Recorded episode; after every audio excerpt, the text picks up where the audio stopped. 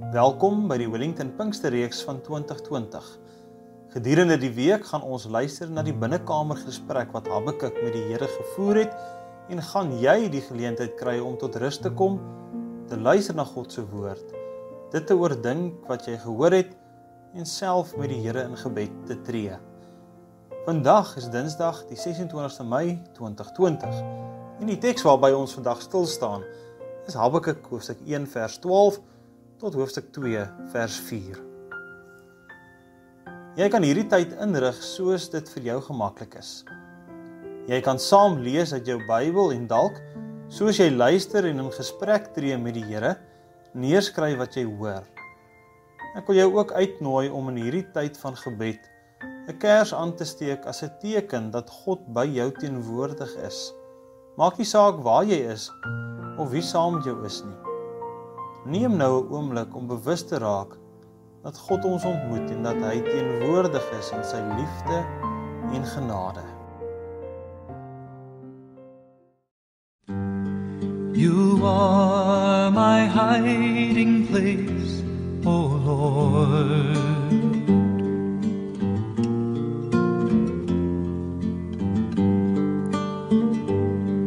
You save me in my distress. You are my hiding place. You save me from distress.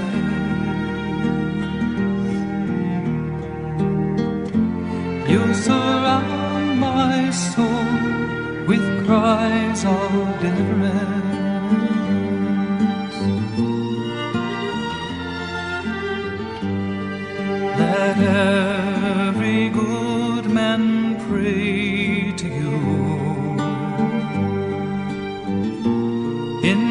Of need. Flood waters may reach high, but him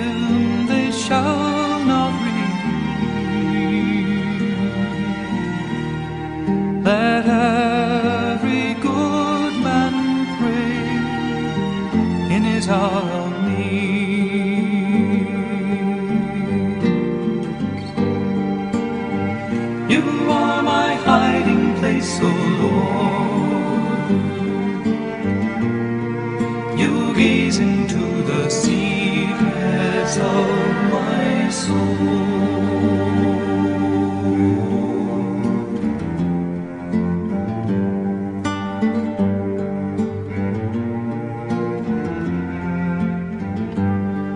A hidden secret waste my frame.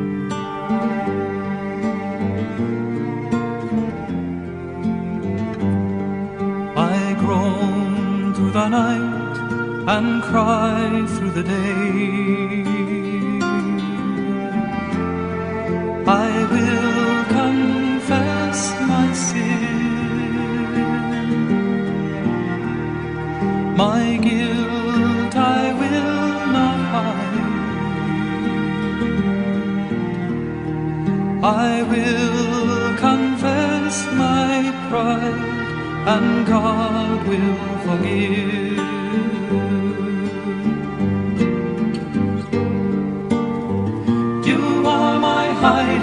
Place, O Lord. You gaze into the secrets of my soul. Ons lees vandag Habakuk 1 vers 12 tot 14 en dan hoofstuk 2 vers 1 tot 4. U is tog van altyd af daar, Here. U is my heilige God. Ons sal nie sterwe nie. U, Here, het die Galdeërs aangestel om die vonnis te voltrek. U, ons rots, het hulle die mag gegee om ons te straf. U oë is te rein om toe te kyk terwyl daar verkeerd gedoen word. U kan tog nie sien dat daar ellende is en niks doen nie. Waarom doen u dan niks aan die trouelose mense nie? Waarom bly u stil wanneer slegte mense die vernietig wat beter is as hulle? Hoe kan u mense behandel asof hulle visse is? Asof hulle kruipende insekte sonder leier is? Ek wil op my uitkyktoring gaan staan. My plek op die vestingmuur gaan inneem. Ek wil wag om te verneem wat die Here vir my sal sê en wat ek moet antwoord wanneer mense my verwyd. Die Here het toe vir my gesê: "Skryf wat ek aan jou gaan openbaar duidelik op klei tablette sodat mense dit sommer in die verbygaan kan lees. Die openbaring geld vir 'n bepaalde tyd. Dit sal gou kom want dit kom beslis.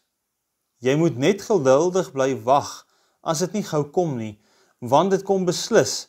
Dit sal nie uitbly nie. Dit is die boodskap. Wie nie reggesind is nie, sal sy verdiende loon kry. Maar wie reg doen, sal lewe omdat hy getrou bly.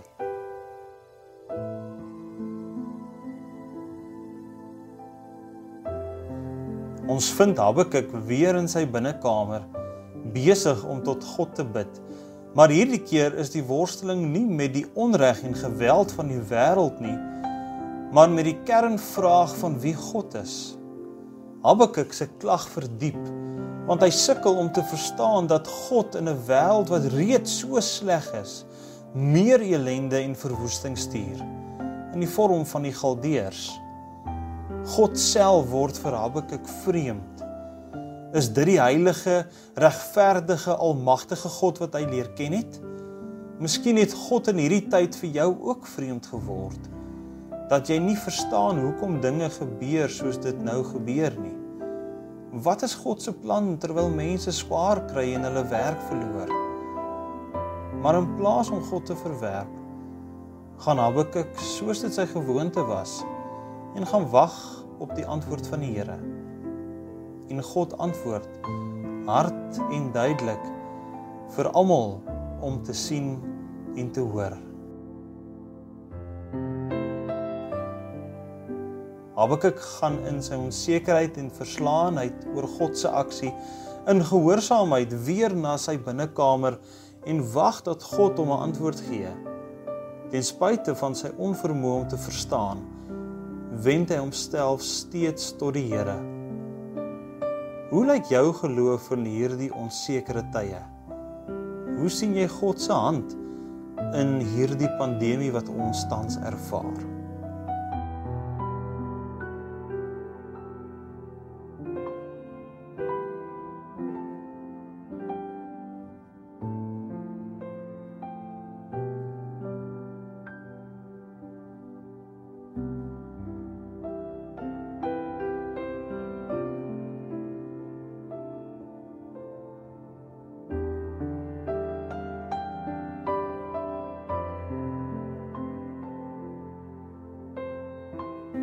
God se antwoord op Habakuk se worsteling is kort en kragtig.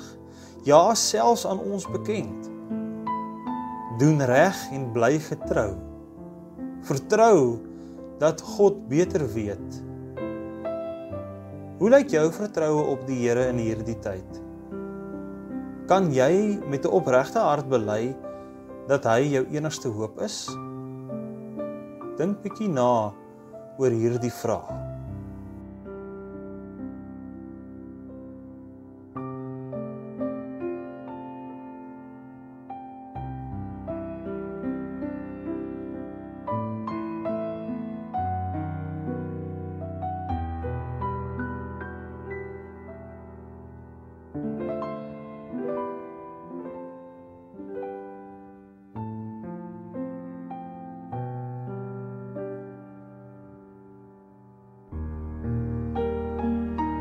Neem nou so 'n paar minute en gesels met die Here oor wat in jou hart gebeur in die lig van die teks en wat tans in jou lewe en die wêreld aan die gebeur is. Dalk kan jy hierdie tyd gebruik om te bid vir die pandemie dat mense se geloof sterk sal staan in die sekerheid dat God steeds in beheer is en by ons is in hierdie tyd.